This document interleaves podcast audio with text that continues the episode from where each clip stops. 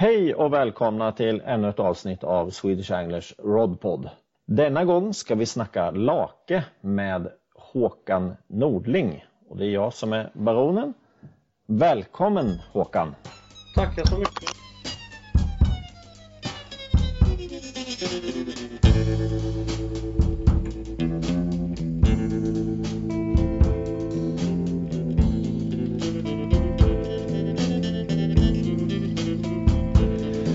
Had enough of your bullshit to last me a lifetime.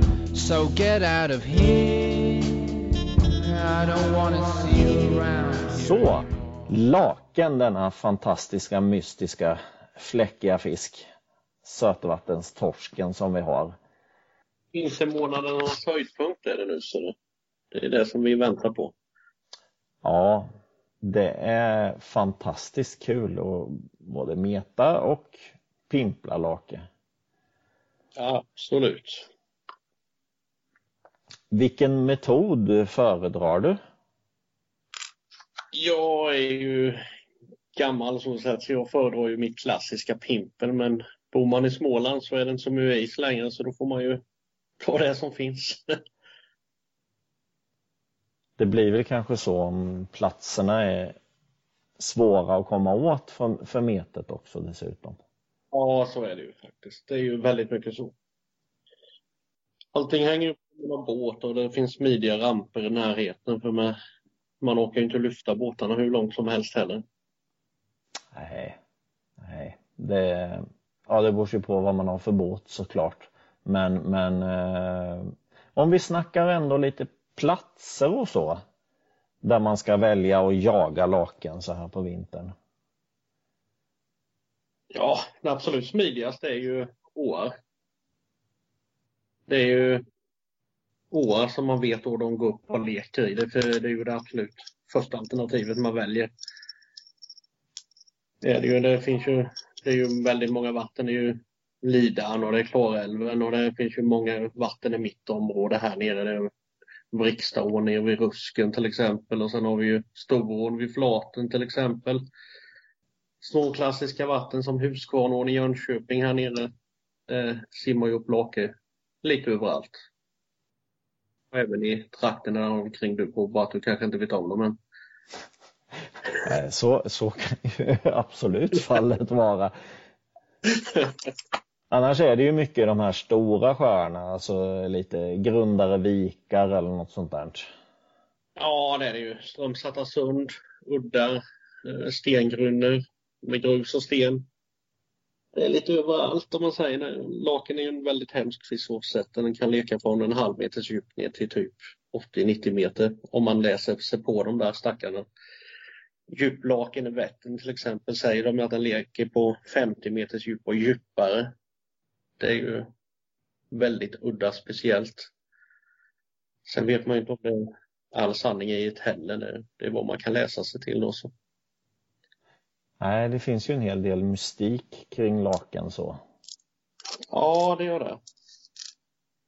Men eh, jag tänker det, när man väl eh, har hittat någon lake, är det oftast det är flera lakar på samma fläck eller eh, är de ganska utspridda så över ett flak till exempel eller en kant? Nej, ofta så känns det som i mitt fiske som jag bedrivit allra mest, det är ju med pimplet då. Då, då kommer de ju vandrande mer eller mindre på samma stråk allihopa känns det som. Hittar man ett område som håller fisk, då kan du åka ut på det tio år senare och få fortfarande fisk på samma fläck. Så, så, så enkelt är det fast ändå väldigt svårt för man måste hitta verkligen där de är. Sen går det väl självklart att de är, kan vara lite överallt också. Enstöringar, det kanske det finns. Mm. Det vet jag inte riktigt men det är likadant som när man jag har varit ute på Vättern och fiskat till exempel. Man kan ju hitta riktiga bulor om man säger i december, januari, februari som jag misstänker är lake att man har aldrig kommit ut och testat på dem vad det verkligen är för fisk. Det ser ut som torskbulor sundet ungefär. Det kan vara 50-60 fiskar i samma gruppering. På 20-30 meters djup. Så det. Ja, ja Vättern, är, Vättern är ju en spännande sjö. Eller, de flesta av våra stora sjöar har ju ett bestånd med lake. Ja, alla våra, vi har ju lake mer eller mindre ja, längst ner från Skåne hela vägen till norraste Lappland mer eller mindre. Så det, det finns ju överallt men i, i södra Sverige känns det ju framförallt som att det är de stora djupa sjöarna som håller bra individer om man säger. Smålake finns det i varenda pöl mer eller mindre men större individer verkar som de kräver mycket mat och lite större djup. Ja, det vet jag. Jag har till och med fått lak i Stångån här, den lokala ån som rinner genom Linköping. Det var dock en liten skrutt på några decimeter, ett par decimeter så. Men... Ja. Ja, det, ja, men lite svåra att hitta känns det som, men eh, man har haft väldigt mycket hjälp också framförallt genom alla åren och hitta platser och man har hjälpts åt lite. Och sen har jag ju den turen att jag har ju min min pappa fiskade mycket lake på 80-talet så där har man ju fått lära sig det. Så det är ganska simpelt. Han fiskade mycket på 70-80. Det var ju på Skagen och lite överallt så det, där det fanns och där de stora var, där var han. Så det är ganska smidigt. En annan stil. Just Skagen, har du fiskat något där? Jag har tyvärr aldrig varit där. Nej. Det var, jag är för ung för det fast man snart är 40. Men eh, nu vet jag ju att det är ju en hel del fisk kvar i den. Jag vet inte om storleken är som den har varit men jag vet folk som har varit och de har fått bra med fisk. Så mycket kan jag säga. Ja, det, det, det är mycket gammal information som man kan förlita sig ändå lite på laken. Jag vet, du är ju en forskare av rang när det gäller att försöka leta gammal alltså gamla fiskekartor eller liksom eh, där gamla yrkesfiskare har hållit på och Eh, sånt där. Ja, jag har försökt att hitta så mycket man kan. Jag har ju ganska många områden i Vänern till exempel som jag lyckats luska igenom från yrkesfiskare och lokalbefolkningar och det är bara att jag inte själv kommit ut på alla områden än men vissa av dem har man ju hunnit funnit med för det. Vädret är ju inte så bra alla gånger många utav de platserna jag har det är ju väderkänsliga ställen så är det fel vindriktningar så det är ingen idé att sticka till de områdena. Och då ligger vinden fel och då, då är det inte så roligt att sitta i en båt längre. Nej, nej, nej, det kan gunga upp rätt fort. Ja, visst är det så. Man kan inte riktigt sitta i trollingskeppet då. Nej, det är inte så roligt. Det hade ju varit bekvämt att kunna gå in i värmen i och för sig men men det är, då har man ju förlorat lite av tjusningen också. Och likadant, jag har ju ställen uppe i, jag har ju som sagt både stuga uppe i Härjedalen och där. Då har jag ju luskat, självklart luskat reda på Lakens lekområden även där uppe i vissa sjöar. Och det har jag ju också faktiskt hunnit ut och testa några ställen och det har ju varit riktigt bra. Men då har man ju också fått luska med de gamla gubbarna. De, en gång i tiden käkade de lake för att överleva vintern så och tyvärr så är ju många av de farbröderna har ju försvunnit för de är inte med i tiden längre. Så nu blir det svårare och svårare att få reda på de gamla ställena.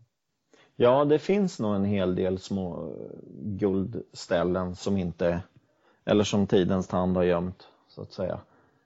Och det finns jättemycket. Hela Norrlands inland. Dalälven och norrut, där finns det mycket vatten. Ja, det är, det är ju häftigt ändå att man kan liksom dra nytta av så gammal kunskap. Ja, men det är det faktiskt. Ibland måste man gå tillbaka till det. Ja, för lakfisket känns ju som, det är ju inget fiske som generellt sett eh, de gemene man fiskar så, utan det är ju mest i, i specimenkretsar. Ja, det är väl vi idioter som håller på med det mer eller mindre. Ja. Stackarna kallt och jäkligt är det. men men det, är, det är ju värt det. Ja, för jag vet om förr de berättade om de satt vid, vid stranden vid Åsunden där och satt och pimplade. Det var ju ren folkfest. Det var ju fullt med marschaller på isen. Och... Så såg det ut lite överallt för. Eh, vi hade ju många sjöar i vårt område. Det var ju både Ylen och Nätan. Där satt de ju jämnt före på 80 80-tal kan man säga, tidigt 90. Men eh, det är ju inga ute på de sjöarna alls längre i dagens läge. Nej. Det, Den folkfesten har försvunnit helt och hållet. Men det är väl det, laken är ju ingen matfisk längre i dagens utsträckning. Nej, det är väl inte det, men jag har bestämt mig i vinter för att jag ska testa och käka laken om jag får någon liten lagom. Eh, så har jag, jag ska göra ett försök i år tänkte jag i alla fall. Ja, köttet är väldigt fint i alla fall. Jag har ätit lake med rökt lake och rökt lake är väldigt gott. Är det sådär? Den har jag inte hört så mycket just rökt lake så. Nej, de flesta har ju stuvat lake om man säger förr då. Men rökt lake, det, det kan jag rekommendera. Mm. Ja, jag fick något recept av svärmor där med någon laksoppa som jag tänkte att jag skulle testa. Ja, det kan jag nog tänka mig. Tittar man på köttet från lake så ser det ju väldigt likt torsk. Det är ju samma vita fina fasta kött som en torsk har. Så. Jag har ju kommit så långt så jag har filerat den laken men bara att jag glömde bort att äta upp den. Aj då. så, långt har jag kommit i utvecklingen om man säger. Ja. Om vi går lite tillbaka på själva fisket sådär. Eh, jag tänker lite på huggperioder, eh, skymning, natt, gryning. Det är ju ofta mörkret, känner jag väl i alla fall för min del. Ja, framförallt så är det ju det. I mitt fiske har det ju absolut varit skymningen eh, en halvtimme eh, efter det börjar skymma tills det blir mörkt om man säger där vi brukar vara nappperiod. Då har det varit i mitt fiske. Sen så kan det vara uppehåll på en timme, en och en halv och sen så kommer det en nappperiod till. Och sen håller det på så vad jag har märkt även långt in på småtimmarna. Att det kan bli väldigt drygt att sitta väldigt länge. Jag har ju kört mycket lake på zoomen då. Mm, pimpling om man säger då, är ju absolut mest men där har man en nattperiod vid fem kan man säga, halv fem till fem. Där kommer det alltid och sen så är det kan det vara ett litet uppehåll en stund. Sen kommer det vid halv sex, sex och sen kommer nästa nattperiod. Det är oftast vid åtta tiden. Men vissa kvällar har jag suttit där uppe och fiskat och jag har inte haft en fisk för klockan tio. Då har alla gått hem och då har jag haft helt plötsligt fått både sju och åtta stycken när man har varit själv kvar. Så det, men nattperioder det kommer det alltid när de vandrar in. Men det känns som att de är väldigt, väldigt tydliga i alla fall. Att det är liksom inte oftast, det är klart att det händer också, men det, det, blir, det blir ett par, tre napp liksom. När det väl kommer igång liksom. Ja, det brukar det oftast bli. I alla fall i de vatten jag fiskar i. Då brukar man, de brukar vara ganska nästan på klockslaget. Man vet när man ska börja och man säger det. Då vet man att ja, nu är det dags och då, ja, då börjar man och så tar det några minuter. Sen så har man i regel första nappet. Några minuter kanske får överdriva men det kan vara en kvart, 20 minuter i alla fall. Det har man ju fått lära sig. Och framförallt då nu när man har Ja, jag lyckades ju lura med dig en gång förra året ju. Ja, vi var ju i och för sig två båtar men då, då när vi båda, du och jag åkte så följde vi ju kanten på stenområdet om man säger. Vi, vi följde ju dykkanten. Där ute stod lakarna när det var ljust och sen så, så fort det blev mörkt så simmade de in. Ja, man märkte ju supertydligt när man kom på rätt fläck. Det räckte ju med någon meter åt fel håll så... Då får du inget heller. Nej. Så enkelt Även att det kändes som att det var ungefär samma eh, form av ja. botten men det var liksom som, nej. Nej, det är väldigt en jävla udda fisk. Ja, men det är väl det som är hela charmen med det också, att eh, man blir ganska belönad när man väl lyckas. Ja, knäcker man bara någon kod så kan det vara riktigt roligt. Sen är det en fruktansvärt vacker fisk med så det får man ändå säga. Ja, den är oerhört vacker och varje fisk känns ju väldigt individuell i sina fläckar. En del har de där de är ju så fruktansvärt svarta de svarta fläckarna som är på laken när de har dem. Jajamän. Det är lite roligt att se faktiskt. Ja, ja det, det, ser speciellt ut när man har tagit kort på dem för det blir så fruktansvärt svart. Ja, exakt. Mm. Nej, det är väldigt kul. Är det. Som sagt det är värt all tid man har lagt genom åren ute på några kalla isar och dimmiga fälten jämte ån någonstans. Ja. All man drar in. man får ju vara beredd på att det, det, det är ju de bistra fiskarna liksom. Det... Ja. Men sen är det ju så att det finns inte så mycket annat vi kan meta den här årstiden så då får man välja det, det som finns. Ja, det, det är ju, finns ju några predatorer till men, men jag tycker laken, ja. är, laken är väldigt kul. Ja, det är ju framförallt denna tiden nu. Det är ju vintern på laken, gädda och gös och sånt. Det kan man lika gärna fiska på när det blir lite varmare. Eh, varmare och varmare i den bemärkelsen men Ja, nej, ja, ja precis. Ja, men det är just nu så här mitt i vintern, då är det ju laken är ju hetast, känns det ju spontant. Det. och det är ju framförallt nu det blir lättast att få laken också, så det, det får man ju ändå säga. Om man inte följer nosstimmerna då i och för sig, men när nossen går in och leker då följer laken med efter också, men då måste man ju veta var man ska vara, det vet inte jag. nej, nej, nej, nej, det blir väl så att man väljer sina fisken också. Man väljer ja. sina fiskar att sikta efter och sen går man vidare ofta på nästa. Ja, så är det faktiskt. Men om vi snackar lite eh, riggar och lite prylar runt lakfisket. Vi kan väl börja med, om vi börjar med metet. Jajamän. Ett vanligt... Kör du något superavancerat eller? Nej, det har jag aldrig någonsin gjort. Vanligt enkelt paternostertackel eller något glidande. Och så en tafs på det och en enkel krok och med en fisk på det. det är jätteenkelt. Det klarar vem som helst knyta ihop mer eller mindre. Även om du är blind så skulle du nog kunna lyckas nästan. ja, lite så. Uh, ja, jag föredrar en liten, en liten bom, sådär en förlängd bom. Uh. Ja, jag har ju inte, jag har inte testat det, kan jag villigt erkänna då. Men jag har däremot testat med lite lysstavar och sånt. Och lite flytkulor och sånt. Det vet jag, det har fungerat. Framförallt med levande fisken då. Ehm, då har jag haft en väldigt, väldigt kort havs så inte eh, betesfisken kan simma iväg och gömma sig mer eller mindre. Så det har fungerat bra.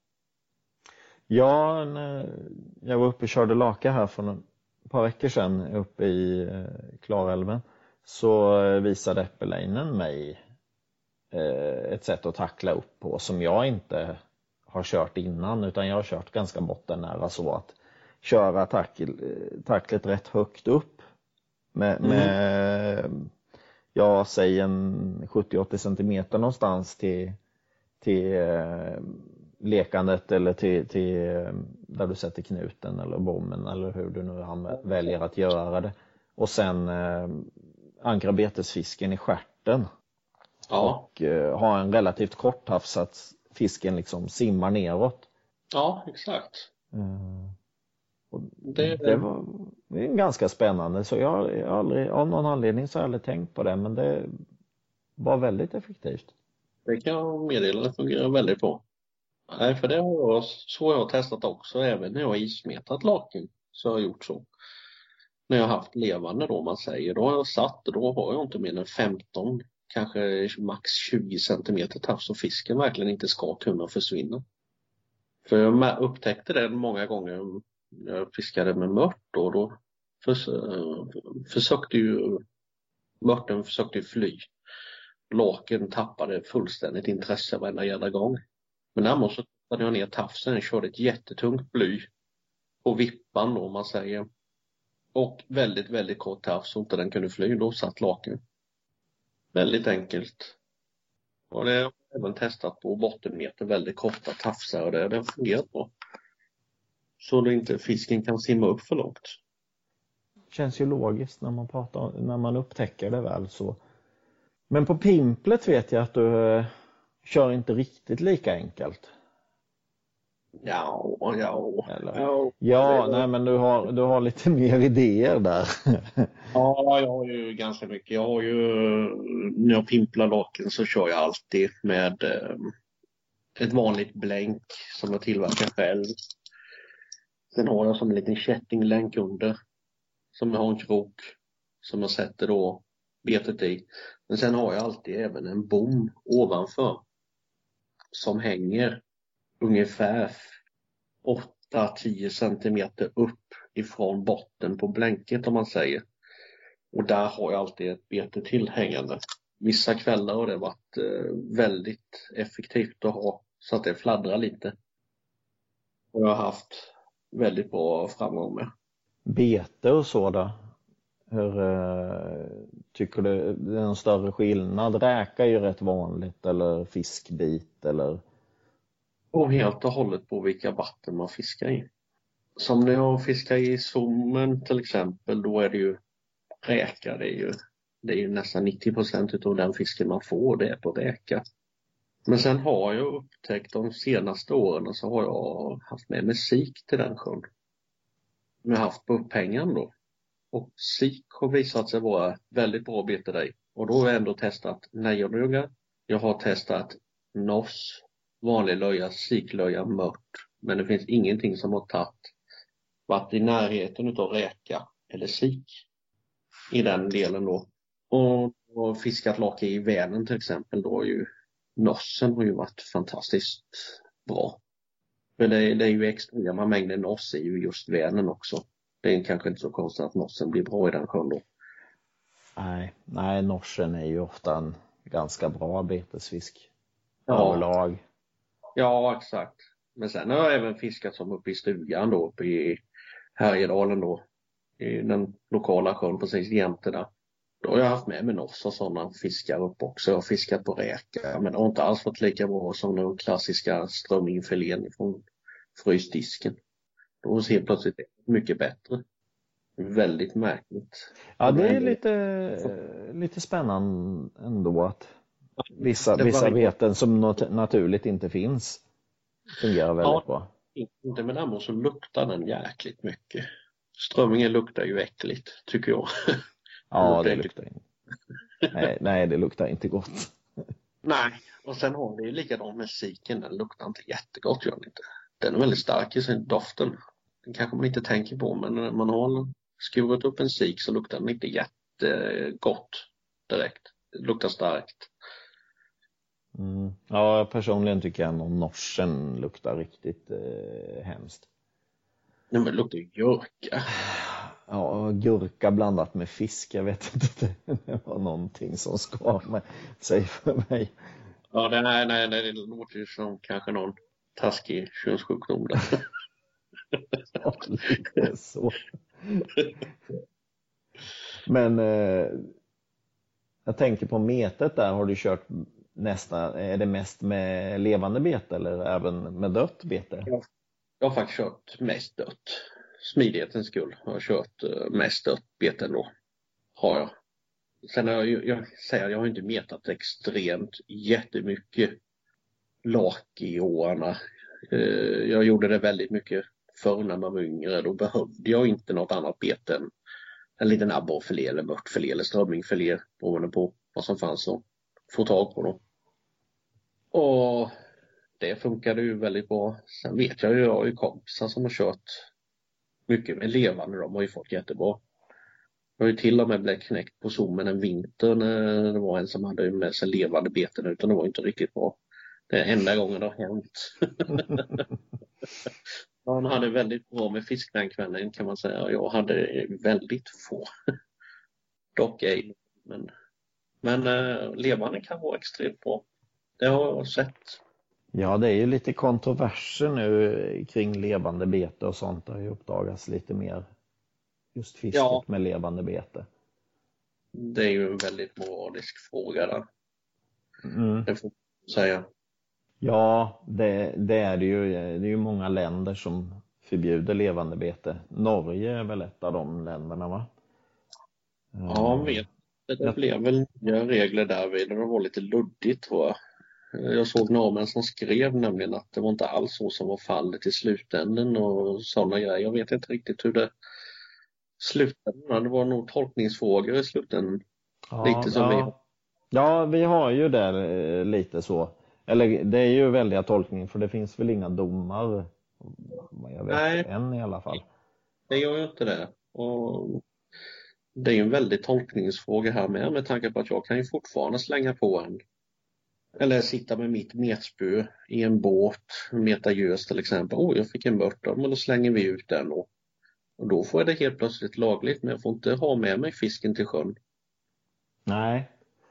Det är lite märkligt. Nej, nej, och sen det är väl lite med sjukdomar och sånt. Jag har ju tyvärr sett exempel på det där. Jag vet eh, här i Stångån, det var för några år sedan, då började dyka upp fisk med små svarta fläckar på, nästan liknande parasiter. Ja. Eh, framförallt på mörten men även lite på sarven. Eh, sen ja. vet jag ju några sjöar där det, för Stångån är väldigt mycket småfisk i, så där, där fiskas det väldigt mycket för, just för att ha till levande bete till, till ismetet ja. och liknande. Men jag har ju sett att det, de där fläckarna har ju dykt upp i närliggande sjöar. Det är väldigt vanligt med sådana såna, ja, prickar som du säger i hela Svartåssystemet också. Uh, I vårt område då om man säger. Tranås och så uppe i åsystemet är det väldigt mycket sånt. Och det har vi även på fisken i Munksjön och den med. Här nere. Ja, jag har inte sett det i nedre delen av Svartån faktiskt så mycket. Nej, eh, nej. Än. Däremot i Motalaström har det dykt upp på senare år. Ja, okej. Okay. Eh, framförallt på Mörten. Några sarvar så också, ja. men, men eh, jag vet inte riktigt vad det är. Jag börjar fråga runt lite. Eh, jag har inte fått några riktigt tydliga svar, men jag får nog forska vidare lite på det. det ja. en, del, en del fisk ser det ut att gå ganska hårt åt, för de ser rätt risiga ut. Ja, vissa kan se lite halvtaskiga ut, det, det, har jag sett med. Men jag har även sett det på brax och sånt också. Det är ganska vanligt det också. Just i Svartåsystemet och här, ja mot, mot Jönköpingsakten. Höglandet om man säger. Ralången och Tranåsområdet och det där vid Aneby och det där vid där. Det är väldigt mycket sånt där vid. Och även i Mosjön. Ja, men det, det, skulle ju kunna tänkas att det skulle kunna vara flyttad betesfisk som skulle kunna, för det är ju rätt många som använder, alltså just ralången då med gösen. Ja, så är det ju. Och mot alla ström vet jag ju med ismetet, det är ju många som ismetar som förmodligen tar fisk ifrån stången. Ja, det lär det ju vara. Så är det. Det är ju mm. smidighetens skull alltså. Ja, ja det, det, blir väl det. Ja. Att man har sitt vatten när man plockar. Men men å andra sidan, deadbait-metet har ju faktiskt fått en uppsving. Ja, det ökar ju hela tiden. Det, det är ju enkel, enkel mat för fisken. Ja, det levererar ju ganska bra fiskar också dessutom. Jag tycker det ja. känns som att man, man eh, sållar lite bort småslipsar och sådana grejer med att köra dött bete. Ja, men det gör det ju absolut. Det gör det absolut. Det har jag, det har jag märkt med väldigt mycket på gösen och det. Där man fått, vi har fått väldigt bra på dödbete. Ja, det har vi. Gösen har jag aldrig haft någon större framgång med. Jag, kör, jag har varit för dålig att köra med dött bete. Eh, så jag behöver ju tänka om lite där för jag har tänkt att jag ska börja satsa mer och mer på dött bete. Och det är ju så mycket smidigare att bara kunna ha en på, några påsar i frysen. Ja, ja visst är det det. Och det ju funkar ju även som nu. Jag har ju jag har mitt lakbete liggande i frysen. Jag har sik sedan i somras. Jag har löje nu sedan i höstas. Så det, nossen ligger i frysen med. Så det är bara att tina upp det man behöver inför gången. Väldigt smidigt. Ja, ja det, det, är definitivt mycket smidigare. Ja, och sen så kan det ju vara kul att meta upp lite betesfisk ibland också.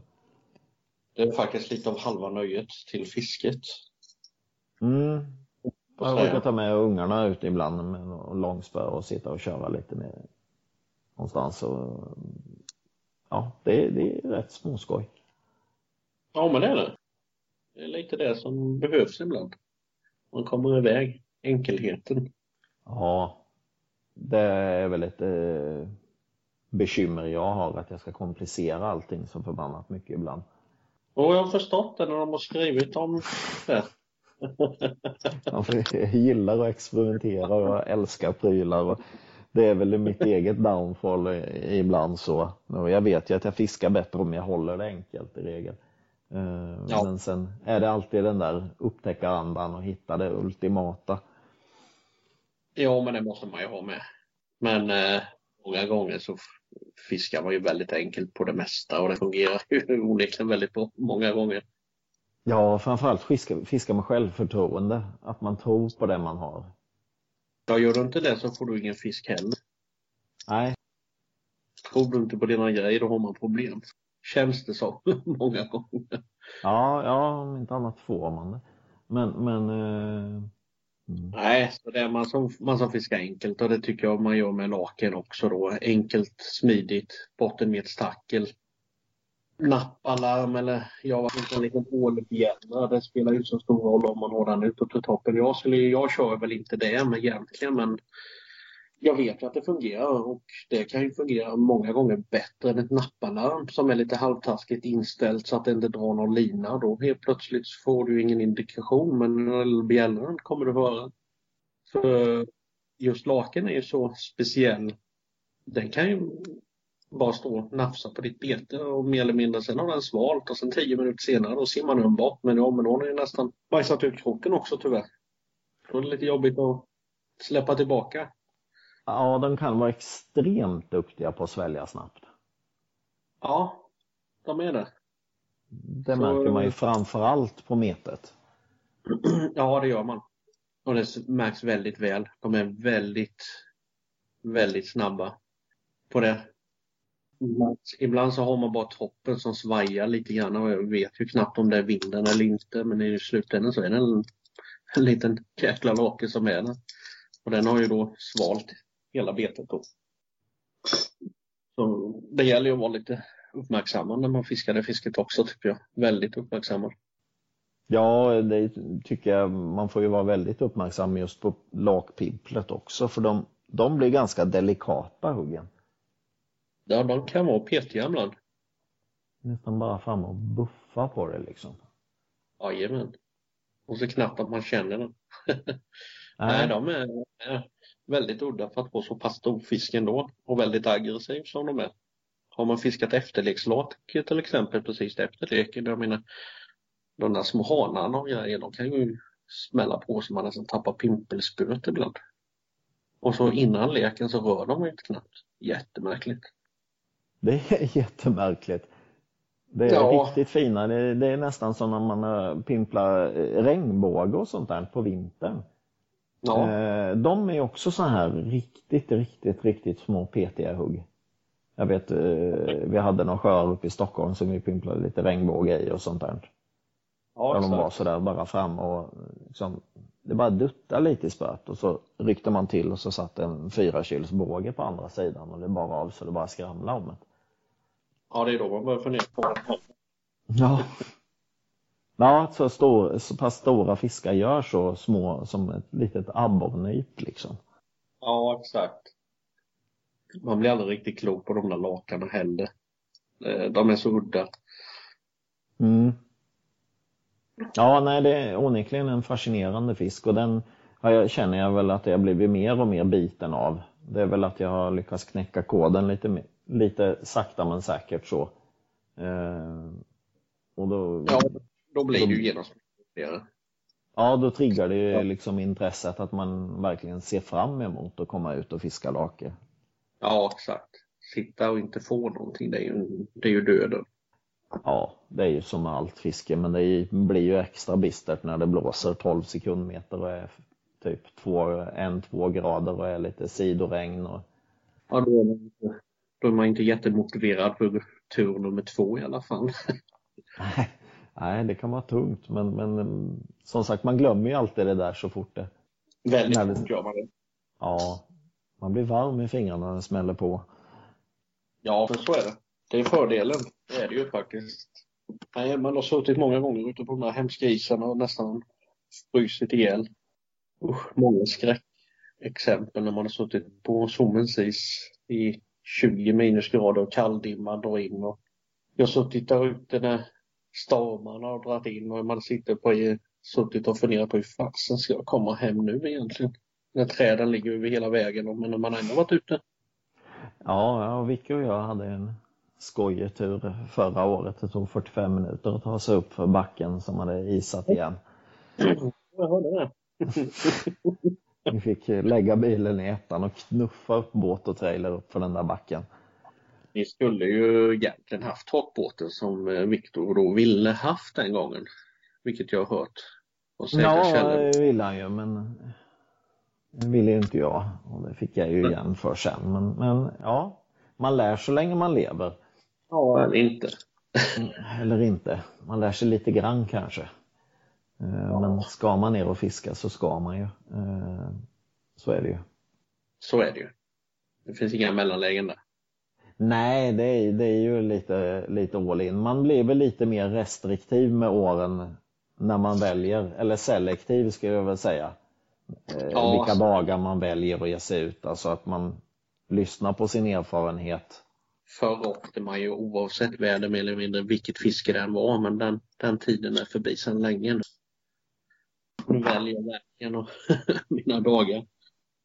Känner du, känner du liksom att det generellt ger bättre utdelning? Ja, både ja och nej. Jag vet ju vilka tider jag ska åka till de flesta vattnen. Jag behöver inte till exempel åka till vissa vatten just idag pimpla lake. Jag kan ju egentligen vänta till den 15 januari. För tittar jag på facitet som jag har då, för jag har ju skrivit upp mer eller mindre alla fiskepassen under alla åren, så ser jag på mellan 15 till 25 januari till exempel i ett visst vatten så ja visst alla fyrorna kompisgänget har tagit inklusive jag, de är tagna däremellan mer eller mindre. Så därför vet jag ju att jag behöver inte åka ut i snålblåsten 24 januari eller 24 december om man säger och jag kan lika gärna vänta den, den tiden. Men däremot är det ju lite skillnad i vädret nu då om man säger för där är ju fisket, det är ju nu det är ju december och så första veckan i januari om man säger lite sådär. Alltså det, det är ju lite skillnad från vatten till vatten med. Men då är det ju framförallt mer vandringsfisk man fiskar på. Och som till exempel i Sommen där ju där är vi ju nästan inne på lekområdet. Vi fiskar ju självklart på vandringen där också men lekområdet ligger 40 meter längre in. Så det, och det är lite skillnad om man ser vid Torsebron eller någonting när lakanen som simmar under bron där de hinner leka in i Mariestadsfjärden som är flera kilometer gånger flera kilometer. Det, det är lite större ytor de ska mm. in på. Ja, ja, det är ju helt andra ytor även om Sommen är en ganska ordentlig sjö så. Men, Men ändå lite. Det är ju små delar. Det finns ju väldigt mycket oupptäckt vatten framförallt i den sjön. Det är jag ju hundra på. Det måste ju finnas hundratals fina lekområden till. Bara att man inte har hittat dem. Och Aha, de gamla gubbarna som fiskade på den sjön förr, de har ju fiskat i den sjön även som jag sa innan då för matens skull. De har ju platser men jag tror inte de gubbarna är i livet längre som fiskar på det sättet. Men det försiggår ju en del eh, yrkesfiske eh, rätt utbrett på Lake fortfarande i vissa vatten, Vättern bland annat. Vättern har ju yrkesfisket efter Lake ökat sen, ja, sen 2010 och framåt kan man väl säga. Va? Något sånt. Eh, men det beror ju helt enbart på att eh, laken går till kräftbete i dagens läge just i Vättern. Uh, yrkesfiskarna Vänern, det vet jag ju att de fiskar ju även till försäljning av det. Men Vätterns yrkesfiskare kör ju mer eller mindre till kräftbete till sommaren sen. Vättern verkar ju hålla ett väldigt gott bestånd av lake. Ja, där har det ju ökat.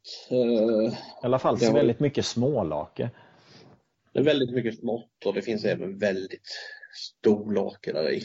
Eh, det har ju ökat väldigt mycket. Beståndet med lake om man säger, det har ju ökat enormt sedan 50-60-talet. För eh, då utrotades nästan lakerevetten faktiskt på grund av ett extremt yrkesfiske. Eh, så det, fångsterna gick ju ner så drastiskt så, så de var ju oroliga för att den inte ens skulle överleva mer eller mindre. Så jäkla lite lake var det kvar. Ja, Vättern har ju varit lite upp och ner med sina fiskar under årens lopp känns det som. Ja, det har det.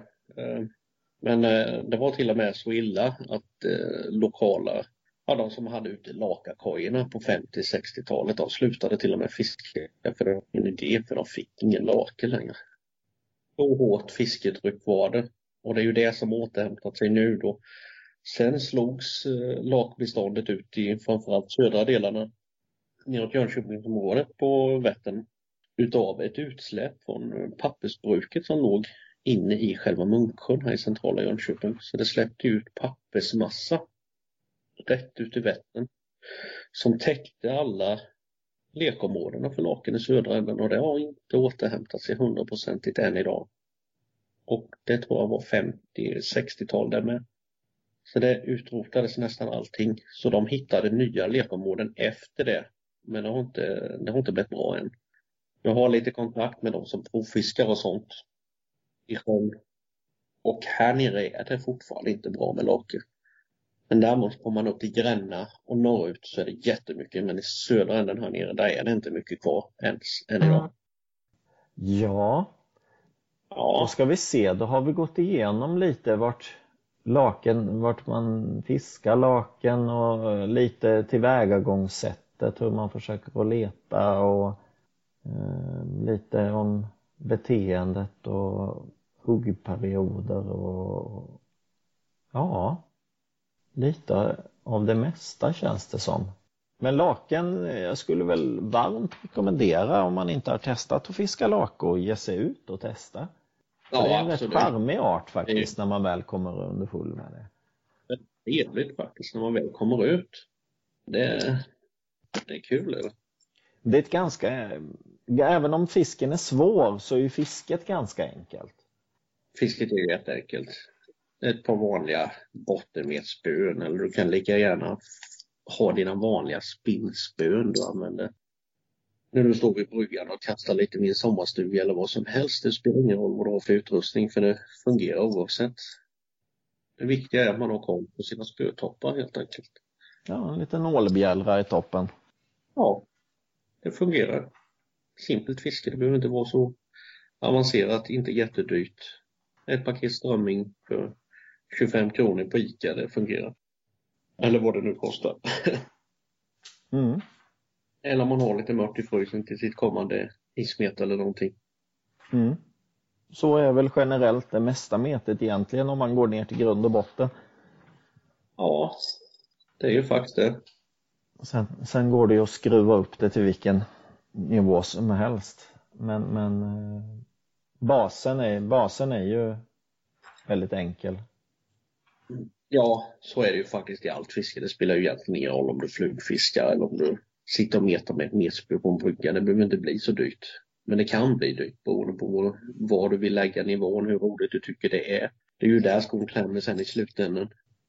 Ja, så är det definitivt. Ja. Fördelen är ju med just om man ska fiska lake till exempel. Du kan ju ta om du har ett bottenmetspö, ta det. Det, det räcker garanterat. Har du något karpspö hemma som du använder om du fiskar karp, ja då har du ju ett optimalt spö även om det är väldigt hård ström i ån till exempel.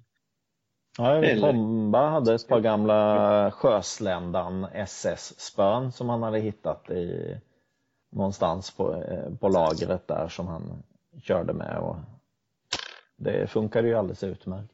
Ja, ja visst. Det behöver inte vara så avancerat. Ett par vanliga 9-10 fots gäddspön eller vad som helst liksom. Det, med någorlunda kastvikt. Det behöver inte vara så enormt heller.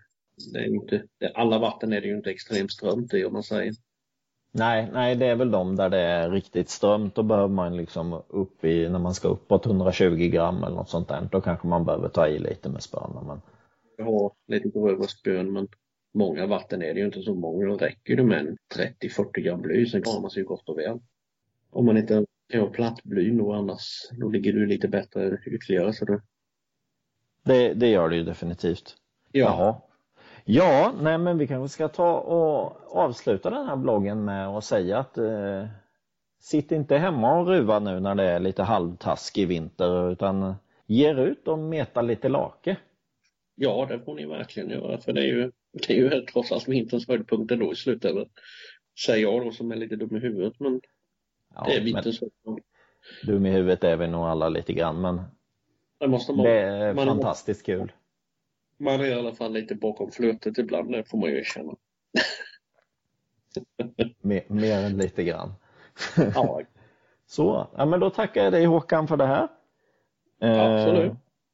Så ses vi ute på vattnet. Det ska vi göra snart framtid hoppas jag. Det blir det definitivt.